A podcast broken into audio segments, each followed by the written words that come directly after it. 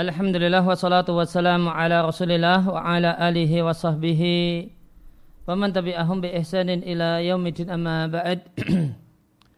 Kaum muslimin dan muslimah rahimani wa rahimakumullah. Ya, sebelum kita lanjutkan ya, membaca dan mentelaah ahkamu zinati ahkamu zinati lin nisa karya Syekh Amr ibn Abdul Man'im Salim hafizallahu taala ada keterangan tambahan yang ingin saya bacakan tentang suara wanita itu aurat ataukah tidak. Di Fatul Mu'in kitab fikih Syafi'iyah disampaikan walaisa minal aurati sautu. Ya, tidaklah termasuk aurat wanita suara wanita fala yahrumu sama'uhu maka tidaklah haram mendengar suara wanita illa kecuali dalam dua keadaan. Yang pertama, in khasya minhu fitnatan. Jika khawatir timbul godaan dalam diri si laki-laki jika mendengar suara merdu wanita tersebut. Atau iltadzabihi dia menikmati suara wanita yang dia dengar. Kama bahasahu Az-Zarkasi sebagaimana pembahasan yang disampaikan oleh Az-Zarkasi. Ya. Penjelasannya di I'anatul Talibin maka suara wanita itu tidaklah haram, bukanlah aurat kecuali dalam dua keadaan. Dalam dua keadaan ini maka ya maka harum haram mendengar suara wanita. Ya, maka ketika dalam dua keadaan dikhawatirkan tergoda atau mendengarnya sambil menikmati merdunya suara wanita,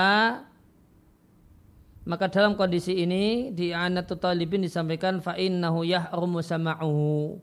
Maka mendengar suara wanita dalam keadaan dinikmati kemerduannya hukumnya haram walau binahwil Qur'ani. Meskipun yang dibaca adalah murtal Al-Quran. Yang dibaca oleh wanita tersebut adalah ya, suara Al-Quran. Laki-laki mendengarnya adalah menikmati suaranya. Menikmati kemerduan suaranya maka hukumnya haram. Ya, di Hasya Bujairimi disampaikan wasautuha laisa bi auratin alal asah. Suara wanita itu bukan aurat menurut pendapat yang al-asah. Artinya Syafi'iyah punya dua pendapat. Pendapat yang disebut dengan al-asah dan pendapat yang disebut dengan sahih. Nah, pendapat yang asah itu mengatakan bahasanya suara perempuan itu bukan aurat. Akan tapi sebagian syafi'ah yang lain yang ini uh, pendapatnya disebut pendapat yang sahih menyampaikan bahwasanya suara uh, wanita itu aurat. Meskipun bukan aurat, lakin yahrumul izra'u ilaihi. Namun haram mendengarkannya. Ya, maka bedakan antara mendengar dan mendengarkan. Nah, kalau sengaja mendengarkannya menyimak ya, suaranya maka hukumnya haram. Lakin yahrumu al-isra'u ilaihi akan tapi haram mendengarkannya ketika dikhawatirkan timbul godaan. Demikian juga jika pintu itu diketuk oleh seseorang, yaitu laki-laki, maka tidak boleh menjawab dengan suara yang merdu bal yaghludu atau tughallidu sautaha ya, namun hendaknya wanita tersebut mengkasarkan suaranya tidak memerdukan suaranya namun mengkasarkan suaranya. Kemarin kita bahas tentang uh, mengkasarkan suara ya, penulis buku Akamut Zina uh, menyampaikan kalau itu tidak boleh alasannya tasabuh dengan laki-laki. Nah, di sini kita jumpai di A'anatul Talibin bahasanya itu satu hal yang malah dibenarkan dan dituntunkan. Namun di sini disampaikan teknis mengeraskan suara. Itu bukan dengan suaranya nadanya diubah seperti suaranya laki-laki. Kalau itu ya, maka tidak boleh sebagaimana kata penulis Akamutul Zina. Namun caranya adalah bi anta khuda tarfaka faiha bi bi fiha wa. Contohnya adalah ujung telapak tangan letakkan di mulut. Dibuka sedikit, kemudian ya, kemudian dipakai untuk jawab ya ada apa gitu. Sehingga suaranya tidak terlalu merdu. Maka jika teknis mengkasarkan suara itu sebagaimana yang disampaikan di sini di A'anatul Talibin, maka wallahu a'lam tidaklah tepat jika kita katakan dalam hal ini terdapat unsur menyerupai laki-laki. Bisa dikatakan katakan menyerupai laki-laki manakala mengkasarkan suara itu dengan meniru model suara laki-laki. Di kitab fikih Syafi'iyah di sini dikutip dari kitab Al-Ubab dan dianjurkan jika seorang wanita khawatir da'ian seorang yang memanggil adalah laki-laki maka dianjurkan untuk mengkasarkan suara dengan cara meletakkan punggung telapak tangan pada mulutnya jadi gini ya ada apa gitu. ya ada apa maaf ada siapa maaf siapa ya gitu.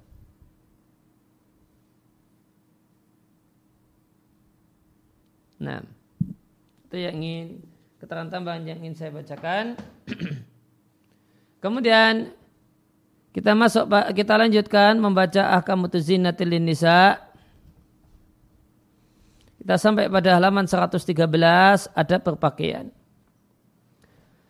Ayatul muslimat wa muslimah hendaklah engkau ketahui secara baik bahasanya pakaian yang engkau kenakan saat ini meskipun itu adalah dibuat oleh tangan kita sendiri, manusia adalah bagian dari nikmat Allah Azza wa Jalla kepada kita yang tidak terhitung dan tidak terhitung. Sebagaimana firman Allah Ta'ala, Wahai anak keturunan Adam, sungguh telah kami turunkan pada kalian pakaian yang menutupi aurat kalian, warisya dan pakaian perhiasan. Ya, maka di sini Allah sampaikan bahasanya pakaian yang jadi nikmat Allah itu ada dua macam, ada yang menutupi aurat dan ada yang berfungsi untuk mempercantik diri, memperbagus diri, semisal ya, apa, songkok atau kopiah untuk laki-laki.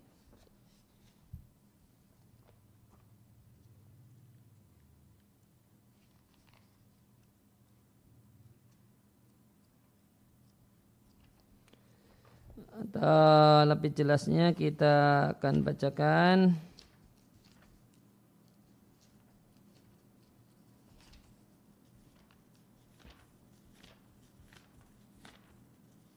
Al-A'raf 26.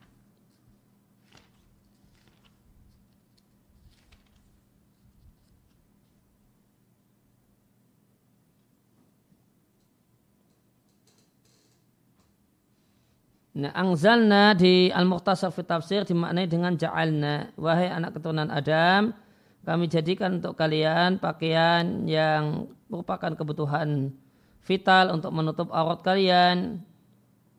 Dan kami jadikan, kami jadikan juga bagi kalian pakaian uh, tambahan tatajam malu nabi finnas yang dengannya kalian memperbagus tampilan fisik di hadapan orang lain.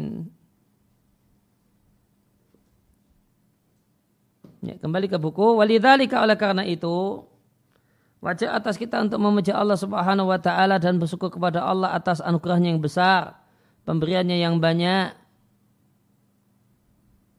Dan adalah kita berdoa kepada Allah agar Allah jaga nikmat ini untuk kita dan nikmat-nikmat yang lainnya.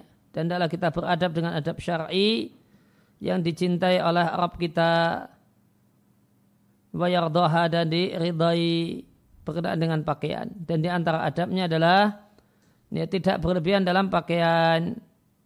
Fakat kalau Nabi Sallallahu Alaihi Wasallam Nabi Sallallahu Alaihi Wasallam bersabda silakan makan silakan minum dan bersedekah dan pakailah pakaian selama tidak tercampur boros dan sombong.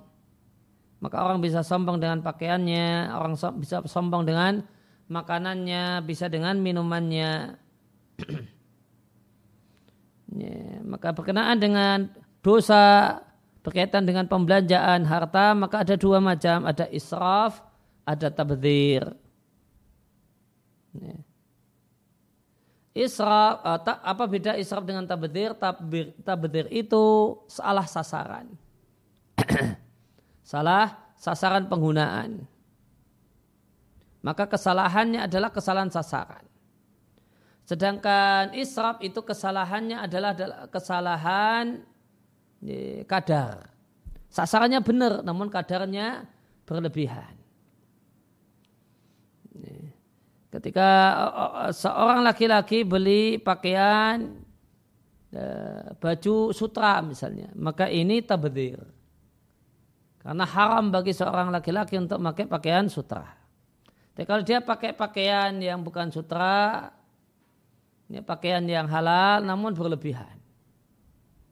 Ini. Pakaiannya demikian banyak sampai-sampai pakaian yang demikian banyak itu giliran dipakainya cuma setahun sekali karena tiap hari ganti berubah dengan pakaian-pakaian yang lain. Nah ini israf. Nah kalau israf itu kesalahannya kesalahan kadar, kesalahan kuantitas. Kalau tabdir itu kesalahan sasaran, sasaran pembelanjaan. Kemudian yang kedua, doa yang syar'i yang dituntunkan ketika memakai pakaian baru dari Busat Al-Khudri anhu adalah Rasulullah sallallahu alaihi wasallam jika istaja thauban jika mendapatkan pakaian baru sama hubi ismihi maka beliau sebut dengan namanya Ya. Ini dimaksud dengan menyebut dengan namanya dan disebut ini peci, ini baju, ini kaos. Ini misalnya ini pakai ada dapat kaos baru, masya Allah dapat nikmat kaos, ah, nyebut kaos gitu. Kemudian setelah itu dipakai baca doa. Atau pakai peci baru, Alhamdulillah nikmat peci. Kemudian dipakai kemudian berdoa. Ya. kemudian dapat celana baru, maka direspon masa Allah. Ya, celana baru. Alhamdulillah celana baru. Dan ketika dipakai berdoa, itu maksud sama bismihi. Baik itu sorban, gamis, ataupun rida. Rida itu satu lembar kain panjang untuk nutupi bagian atas badan. Sambil berdoa kemudian berdoa Allahumma lakal hamdu anta kasautanihi. Segala puji milikmu ya Allah engkau memberikan pakaian ini kepadaku. As'aluka khairahu wa khaira ma wusuni alahu. Aku mohon kepadamu kebaikan pakaian ini dan kebahagiaan ya, tujuan dan maksud di, dibuatnya pakaian ini. Aku berlindung kepadamu dari kejelekan pakaian ini dan kejelekan tujuan pembuatan pakaian ini. Diatkanlah Abu Daud dan yang lainnya wal asal yang tepatnya hadis mursal. Artinya dhaif. Akan tapi dikuatkan dalam pendalilan dengan sebagai berikut. Yaitu dengan hadis Abdullah bin Amr. Nabi Shallallahu Alaihi Wasallam menyampaikan jika salah satu kalian menikahi seorang perempuan atau membeli budak maka adalah dia ucapkan ya Allah aku mohon kepadamu kebaikannya dan kebaikan yang engkau fitrahkan kepadanya. Dan aku berlindung kepadamu dari kejahatannya dari kejelekannya dan kejelekan sesuatu yang kau telah fitrahkan padanya Demikian juga jika engkau membeli seekor onta, peganglah punuknya dan ucapkanlah doa di atas. Kemudian yang ketiga, e, mulai dengan e, yang kanan ketika memakai pakaian berdasarkan hadis dari Aisyah radhiallahu anha adalah Nabi Shallallahu alaihi wasallam Nabi sangat suka mendahulukan yang kanan ketika pakai sandal, bersisir, dan ketika bersuci. Misal wudhu dan mandi dan dalam semua urusan. Karena adab yang keempat, seorang wanita tidak boleh melepas pakaiannya di selain rumah suaminya, kecuali itu di rumah mahramnya misalnya bapak dan ibunya. Dari Ibunda Aisyah radhiallahu anha beliau mengatakan, aku mendengar Rasulullah sallallahu alaihi wasallam bersabda, Ya, Mamimra'atin tidak ada seorang perempuan yang melepas pakaiannya tidak pada rumahnya kecuali berarti dia telah merobek penutup antara dia dengan Allah Ta'ala. Antara dia dengan Allah. Namun makna yang diinginkan dengan hadis ini tidaklah sebagaimana uh, lahiriahnya sebagaimana zahirnya ya, karena menimbang dalil-dalil yang lain menunjukkan di selain rumah suami boleh melepas pakaian karena mau mandi atau karena mau yang lainnya. Yang penting aman. Misalnya uh, melepas pakaian ketika di hotel ya, dia uh, ke suatu tempat kemudian nginap di hotel ah, boleh melepas pakaian. Sehingga uh, yang dimaksudkan dengan hadis ini adalah tidak boleh melepas pakaian di tempat-tempat yang tidak aman dari pandangan laki-laki di tempat-tempat umum di tempat-tempat tempat yang bisa diakses oleh publik dan banyak orang.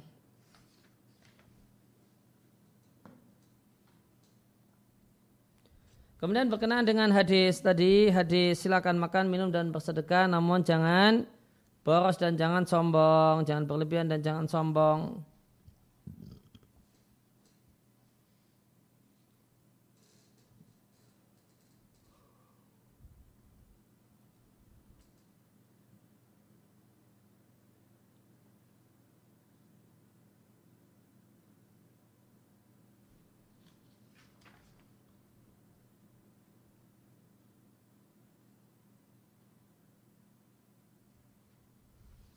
Nah, uh, saya ingin bacakan penjelasan tambahan untuk hadis ini dari ya, Fatah Dzil Jalali wal Ikram Bisyarhi Bulul Maram Sa'ib Nuthaimin. Ya, beliau sampaikan bahasanya mungkin terjadi israf dalam ya, dalam makanan. Dan israf dalam makanan itu beliau sampaikan ada dua macam. Yang pertama adalah ziyadatul ma'rud. Suguhannya ditambahkan lebih dari porsinya.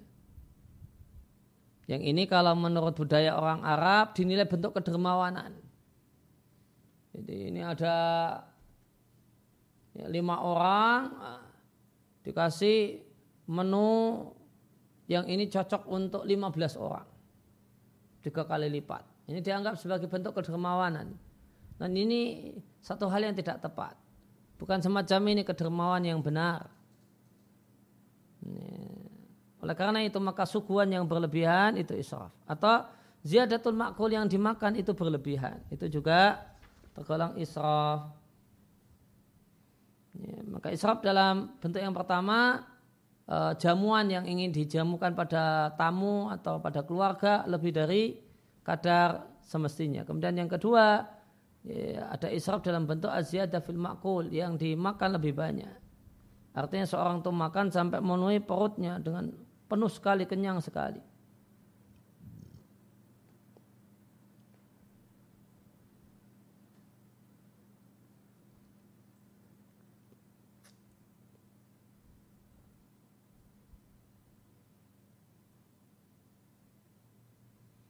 Demikian juga ada boros kegunaan dengan minuman.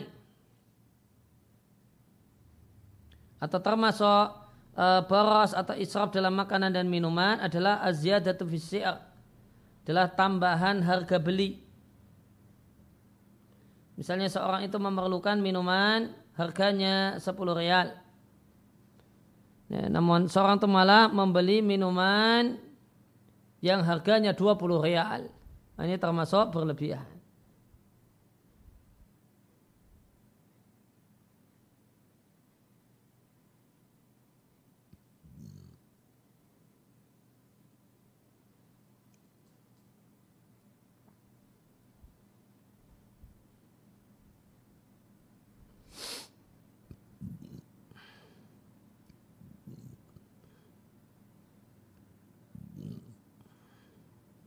Ya, berarti israf berkenaan dengan makanan dan minuman ada tiga macam. Yang pertama tadi eh, sajian yang berlebihan dari porsinya. Yang kedua adalah makan sampai kekenyangan. Kemudian yang ketiga tidak sesuai dengan kebutuhan. Ya, perlunya minuman sudah cukup dengan minuman dengan harga 10 real, beli yang 30 real.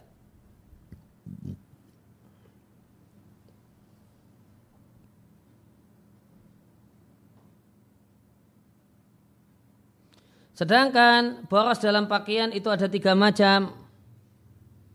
Yang pertama visur atil lubsi. Dalam cepatnya memakai.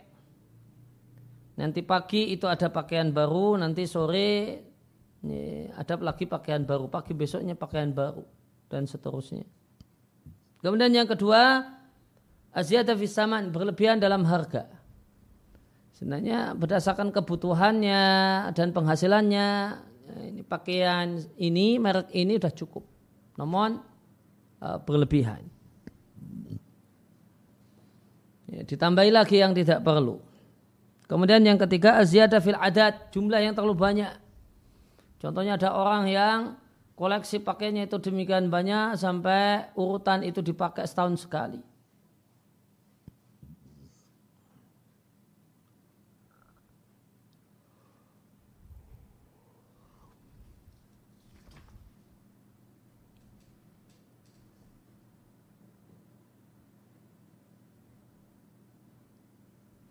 Ya, maka ada ada israf berlebihan dalam jumlah. Dan ini banyak dijumpai pada wanita. Contohnya wanita yang cukup uh, satu gelang diberikan dua gelang atau bahkan dibelikan sepuluh gelang. Maka ini tindakan israf.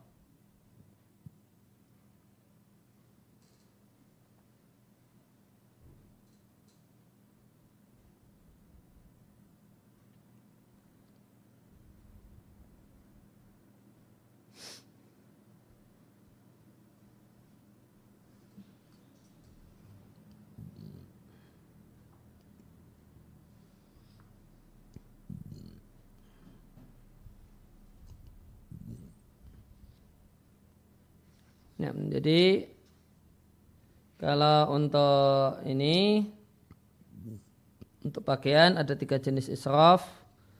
Ya, gunta ganti pakaian cepat padahal belum kepakai lama sudah ganti pakaian. Pagi ada pakaian, nanti sore minta pakaian baru, nanti pagi lagi pakaian baru lagi. Atau berlebihan dalam harganya, atau berlebihan dalam jumlahnya. Ini misalnya cukup satu dua gelang, wah ini beli sepuluh gelang. Nah, ini termasuk dalam ini. Ini dalam berlebihan dalam berpakaian. Sedangkan kalau untuk makan dan minum, maka borosnya ada tiga bentuk. Yang pertama adalah uh, yang, disodorkan, yang disuguhkan berlebihan. Ya, orang ada lima, namun malah disiapkan untuk lima belas orang. Kemudian yang kedua makan berlebihan, Ya, kemudian adalah uh, membeli harga yang dengan uh, harga yang berlebihan. Ya, cukup minuman atau cukup makanan ini sudah cukup, nah, namun sengaja beli yang lebih mahal. Nah, ini juga termasuk israf untuk ya, untuk makanan dan minuman. Ya, demikian yang kita bahas kesempatan siang hari ini. Wasallallahu ala nabiyina Muhammadin wa ala alihi wasallam wa ta'ala alhamdulillahirabbil alamin.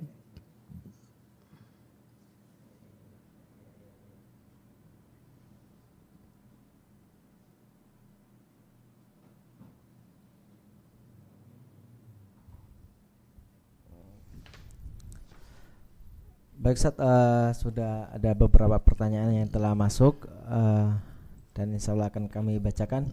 Untuk pertanyaan pertama Ustaz, Assalamualaikum warahmatullahi wabarakatuh. Waalaikumsalam warahmatullahi wabarakatuh. Ustaz, apakah pada saat membuka baju itu ada setan dan malaikat melihat kita? Bagaimana caranya agar tidak terlihat Ustaz?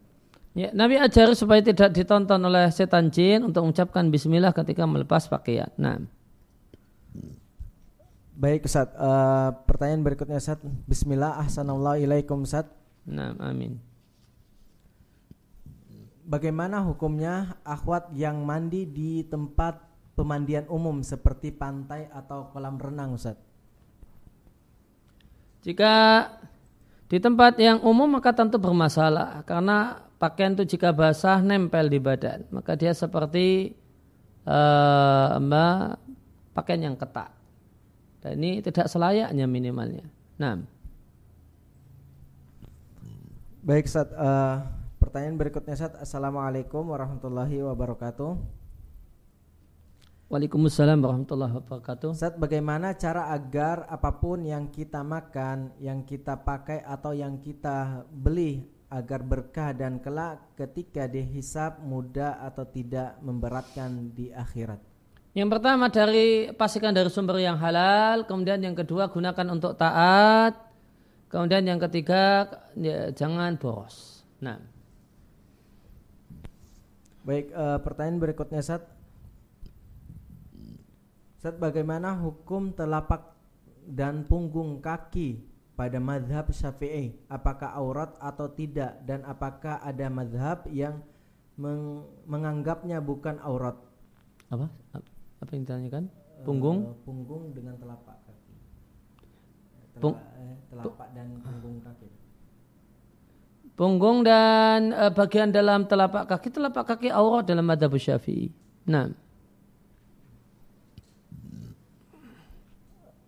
Baik saat uh, yang berikutnya saat, saat saya punya baju kantor yang berupa jas boleh tidak kalau saya kasihkan ke teman yang bekerja di kantor di kantoran tapi dia belum berhijab syar'i tapi kalau nggak boleh dimanfaatkan untuk apa Ustaz? Jas, ini jas untuk jas untuk perempuan?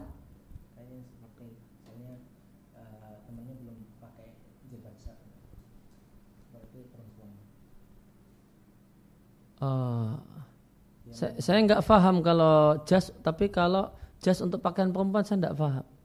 Saya nggak, uh, saya jas itu pakaian laki-laki. Mungkin bisa diperjelas. Nah.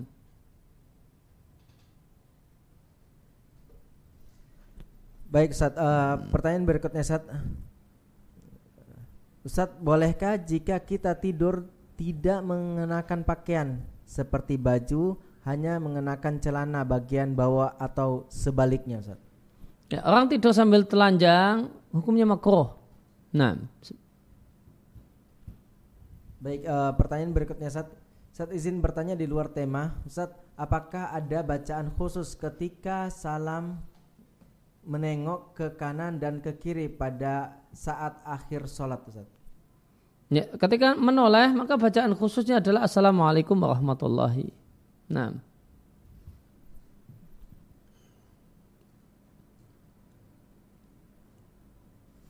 Baik Ustaz, uh, pertanyaan berikutnya Ustaz. Assalamualaikum warahmatullahi wabarakatuh. Waalaikumsalam warahmatullahi wabarakatuh. Ustaz, apakah apa perbedaan ulumul Quran seperti Manzuma Zamzami yang disarah Syekh Usaimi dan usul tafsir umumnya yang ada Ustaz. Uh, usul tafsir adalah bagian dari ulumul Quran. Nah.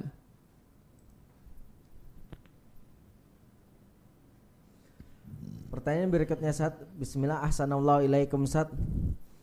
Afan apakah ganti baju 2 sampai 3 kali sehari karena kotor, basah atau bau termasuk boros dalam pakaian yang pertama tadi Ustaz. Ya jika ada sebabnya karena bau, karena berkeringat dan yang lainnya tidak mengapa. Nah. Ini pertanyaan yang tentang jasad, dia memperjelas. Mm -hmm. Yang dimaksud itu adalah pakaian atasan untuk perempuan, Sat.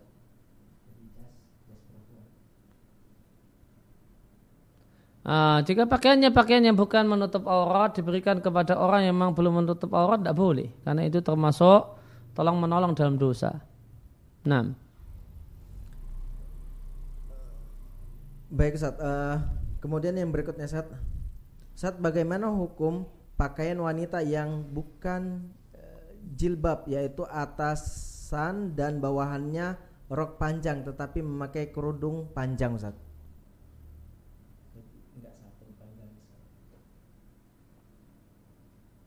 Uh, pakaian perempuan itu ada dua macam. Yang pertama jilbab. Ya, jilbab itu uh, ya, baju dan bawahan plus kudung jadi satu. Ya, seperti jas hujan. Ya, jas hujan bentuk masa silam. Dari atas langsung terus ke bawah. Ini ini namanya jilbab. Kemudian bentuk yang kedua pakai gamis kemudian dikasih kerudung. Ini, pakai gamis kemudian dikasih kerudung. Nah ini kalau di bahasa di Arab Saudi namanya abaya alal katif. Ini namanya abaya alal katif. Kalau yang pertama tadi itu namanya abaya ala ra'as. Nah, ulama berselisih pendapat tentang abaya alal katif. Boleh ataukah tidak? Nah, abaya alal katif itu diperbolehkan ataukah tidak? Ya, maka ya, pendapat yang lebih hati-hati ya, minimal keluar keluar dari perselisihan ulama ya pakailah abaya ala ra'as ya, jilbab sebagaimana deskripsi yang telah saya sampaikan. Nah. Baik Ustaz, uh, pertanyaan terakhir Ustaz dalam kesempatan kali ini. Ustaz, Assalamualaikum warahmatullahi wabarakatuh. Waalaikumsalam warahmatullahi wabarakatuh. Ustaz izin ber, uh, bertanya kalau uh, bervideo call dengan wanita bukan mahram, bagaimana hukumnya Ustaz? Jazakumullah khairan. Laki-laki kita maksudnya? Ya hukumnya tidak boleh ya bukan mahramnya. Ya nanti akan ada saling melihat. Ya hukumnya haram. Nah demikian. Wasallallahu ala nabiyina Muhammadin wa ala alihi wasallam. Bihamdika asyhadu an la ilaha illa anta astaghfiruka wa atubu ilaik